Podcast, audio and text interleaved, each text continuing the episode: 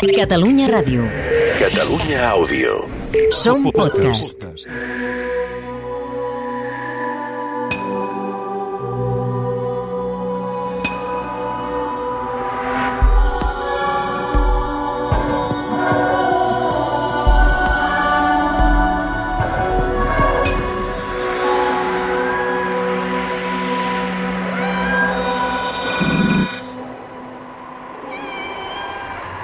El conjur per fer-se invisible no nos lo va voler dir, lo diable.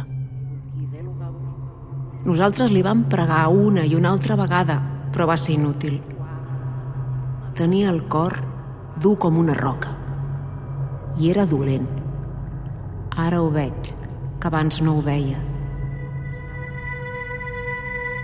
L'última bruixa. Episodi 3. La dona roca.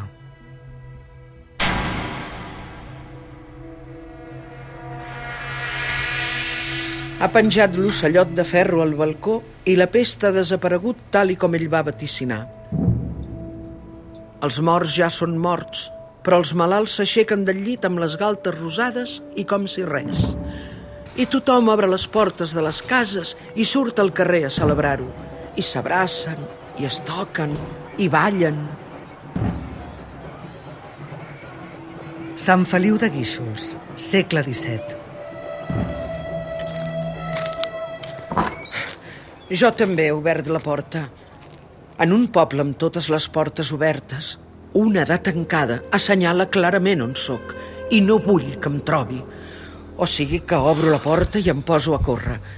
El sol només despunta i jo corro i corro i perdo les espardenyes, primer una i després l'altra, i les pedres em fereixen els peus i m'ofego de tant córrer, però corro i corro i corro i no m'aturo fins que no arribo al mar. Baixo fins a una de les cales més estretes i m'assec damunt d'una roca, al davant de l'aigua. M'assec damunt la roca i deixo que s'assereni el meu cor i la meva respiració mentre l'aigua marina em llepa els peus, que em couen com dimonis. M'aguanto la plorera perquè ara mateix ho ploraria tot. Ompliria el mar amb les meves llàgrimes salades. No, no l'ompliria, el desbordaria. Ploraria tant que faria que pugés al nivell del mar i que ho inundés tot, tot. I jo m'ho miraria, aquí asseguda, mentre l'aigua puja i puja i m'ofega a mi també. Ja només em queda el cap fora de l'aigua i jo segueixo plorant i l'aigua em cobreix la boca, el nas, les orelles, els ulls que ploren. Es pot plorar sota l'aigua. Però no ho faig, això de plorar. No, no puc perdre el temps plorant. M'he de calmar. Això és el que he de fer, calmar-me i buscar dins meu, on sigui que està amagada tota la paciència del món. La necessitaré, perquè el meu pla és quedar-me quieta, ben quieta. A poc a poc aconsegueixo que el meu ritme intern sigui el mateix que el de les onades. I aquí estic. El mar, les roques i jo. Passen les hores i el sol fa tot el seu recorregut i em crema la cara i els braços. L'aire humit i alguns esquitxos de les onades contra la roca em salen la carn cremada i cou. Em cou la pell de la cara i dels braços com abans em cuien els peus. Però no em moc. Ell no m'ha de trobar. No em moc ni un mil·límetre.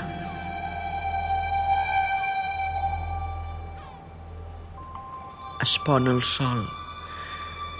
És la posta de sol més meravellosa que he vist mai.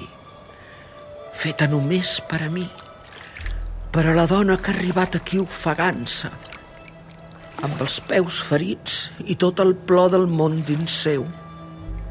Per a la dona que s'ha assegut a la roca i ha mirat el mar i l'horitzó i ja no ha apartat la mirada. El sol es pon de la manera més perfecta que es pot pondre.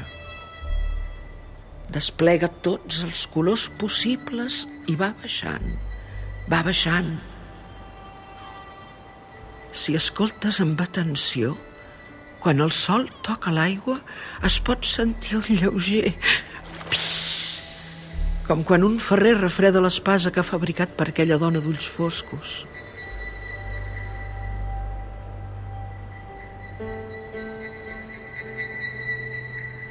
Ja és de nit i ningú s'ha acostat a la cala. Ell tampoc. La meva immobilitat m'ajuda a fugir. Si jo no em moc, ell no pot sentir-me.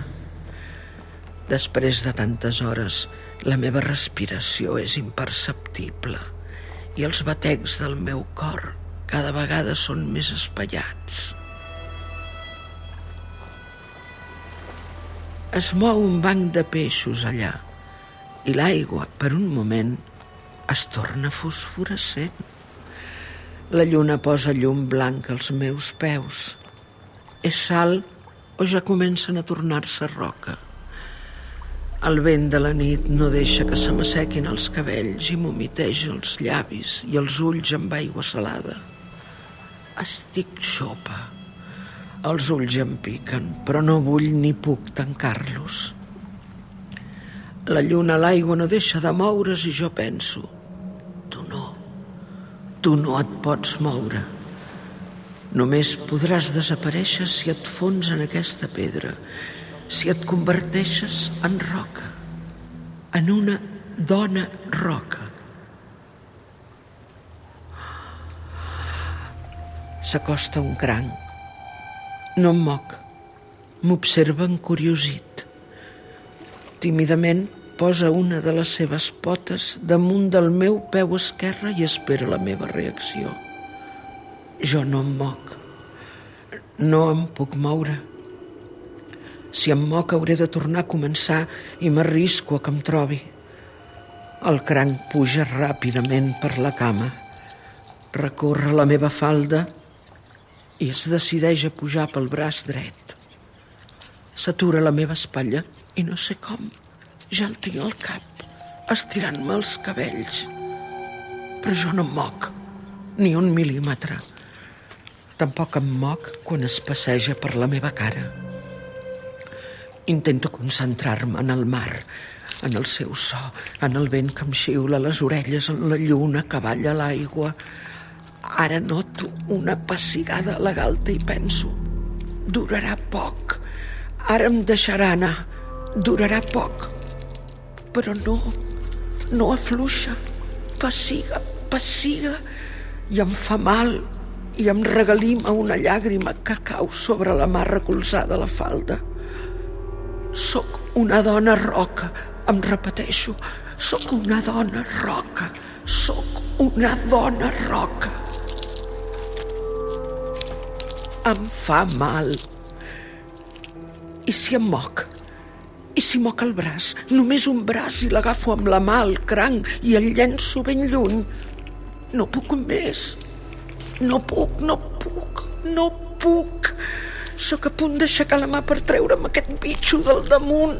No podré resistir-ho un segon més. De cop, creient que el seu gest és inútil, el cranc obre la pinça, m'allibera i marxa silenciosament esquena avall. No sé si m'ha fet una ferida. No sé si m'ha fet sang. Només sé que no em puc moure, perquè els meus peus ja són roca i d'aquí poc ho seran les meves cames i el meu ventre i els meus pits i les meves mans i la meva boca i tot això seré una roca i només em quedaran els ulls. Només podré mirar. I els presagis que he llegit a les petxines em diuen que així seguiré, dia rere dia rere dia, i que seré una dona roca fins d'aquí a tres segles, quan en aquesta cala hi embarrancarà una balena. Quedarà encallada entre el rocam, i jo la veuré lluitar, i veuré com a cada moviment que fa queda més atrapada. Arribarà un moment que, exhausta, Deixarà de lluitar per alliberar-se i es deixarà anar. Serà llavors quan aixecarà els ulls i em veurà. Aixecarà els ulls i veurà els meus. I estarem hores i hores, i dies i dies mirant-nos, només mirant-nos. La balena i la dona roca. S'ha rendit i sé que canta trista la seva cançó, però jo no la puc sentir, només la puc mirar. Ella cantarà la seva cançó i potser sentirà com des de molt lluny altres balenes canten per acomiadar-la.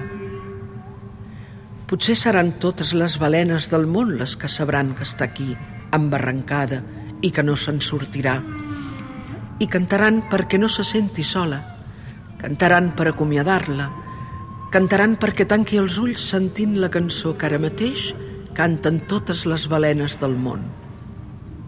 I els científics d'arreu es preguntaran per què canten aquesta cançó tan trista les balenes? Jo no puc ajudar-la a sortir d'aquí perquè jo tampoc no em puc moure, però la miraré fins que es mori. Li aguantaré la mirada. És la meva manera de tocar-la, de caronar-la. No tinguis por, petita, no tinguis por, jo seré aquí t'acompanyaré fins al final. I l'acompanyaré fins que es mori. La descobriran uns bailets i avisaran al poble. Una balena, una balena, una balena a la cala. Una grua enorme, la més potent del port de Sant Feliu, l'aixecarà i la portarà fins a la platja. Allà la deixaran sobre la sorra, la meva balena. Durant uns dies es convertirà en una atracció de fira i els guixolencs es voldran fer fotografies amb ella, tan llarga, tan pesada, tan enorme, tan dolça. I els fotògrafs professionals, perquè el 1912 no s'estila això de tenir càmera de fotos, la fotografiaran una i una altra vegada. Quan s'enduguin la balena, quan se l'enduguin, es desfarà l'encanteri i podré marxar d'aquí. Ella morirà perquè jo pugui viure, perquè pugui desprendre'm de la pell de roca i marxar i continuar vivint. On aniré ara? No ho sé. Començo a estar cansada, a sentir-me gran. Fa tant de temps de tot plegat que potser ell, només potser, m'ha oblidat i ha abandonat la seva cacera. Qui sap? Començo a estar cansada. Potser hagués hagut de fer com ella, deixar-me morir.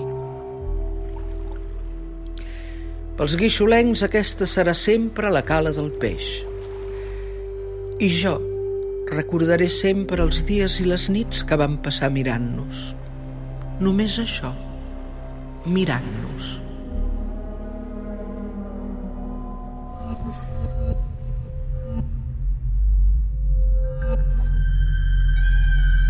Des que ens vam separar, ja fa tant de temps. Pateixo per tu. Ves allà i espera'm, em vas dir. Sobretot no et moguis, em vas dir. Perquè si tu et mous i em busques a mi i jo em moc buscant-te tu, no ens trobarem mai i ens passarem l'eternitat buscant-nos. Ves aquí on et dic. Ves al segle XXI i espera'm, em vas dir. I et vaig deixar allà, damunt la roca, mirant al mar. I vaig venir. Vaig anar-me'n només perquè tu m'ho vas manar. Misha, em vas dir, vés-te'n, que el que he de fer ara ho he de fer sola. I aquí estic, esperant-te. Però sàpigues que ell també ronda per aquí no sé com ha sabut on sóc, però és aquí, també esperant-te. Misha, Mixeta, vine, vine. Ho veus com si que hi ha algú aquí al costat? No tots són invencions meves. Només em consola pensar que si és aquí és que no sap on ets. No sé quant de temps trigaré, però vindré a buscar-te, em vas dir. I aquí estic, esperant, esperant-te. I si no vens mai?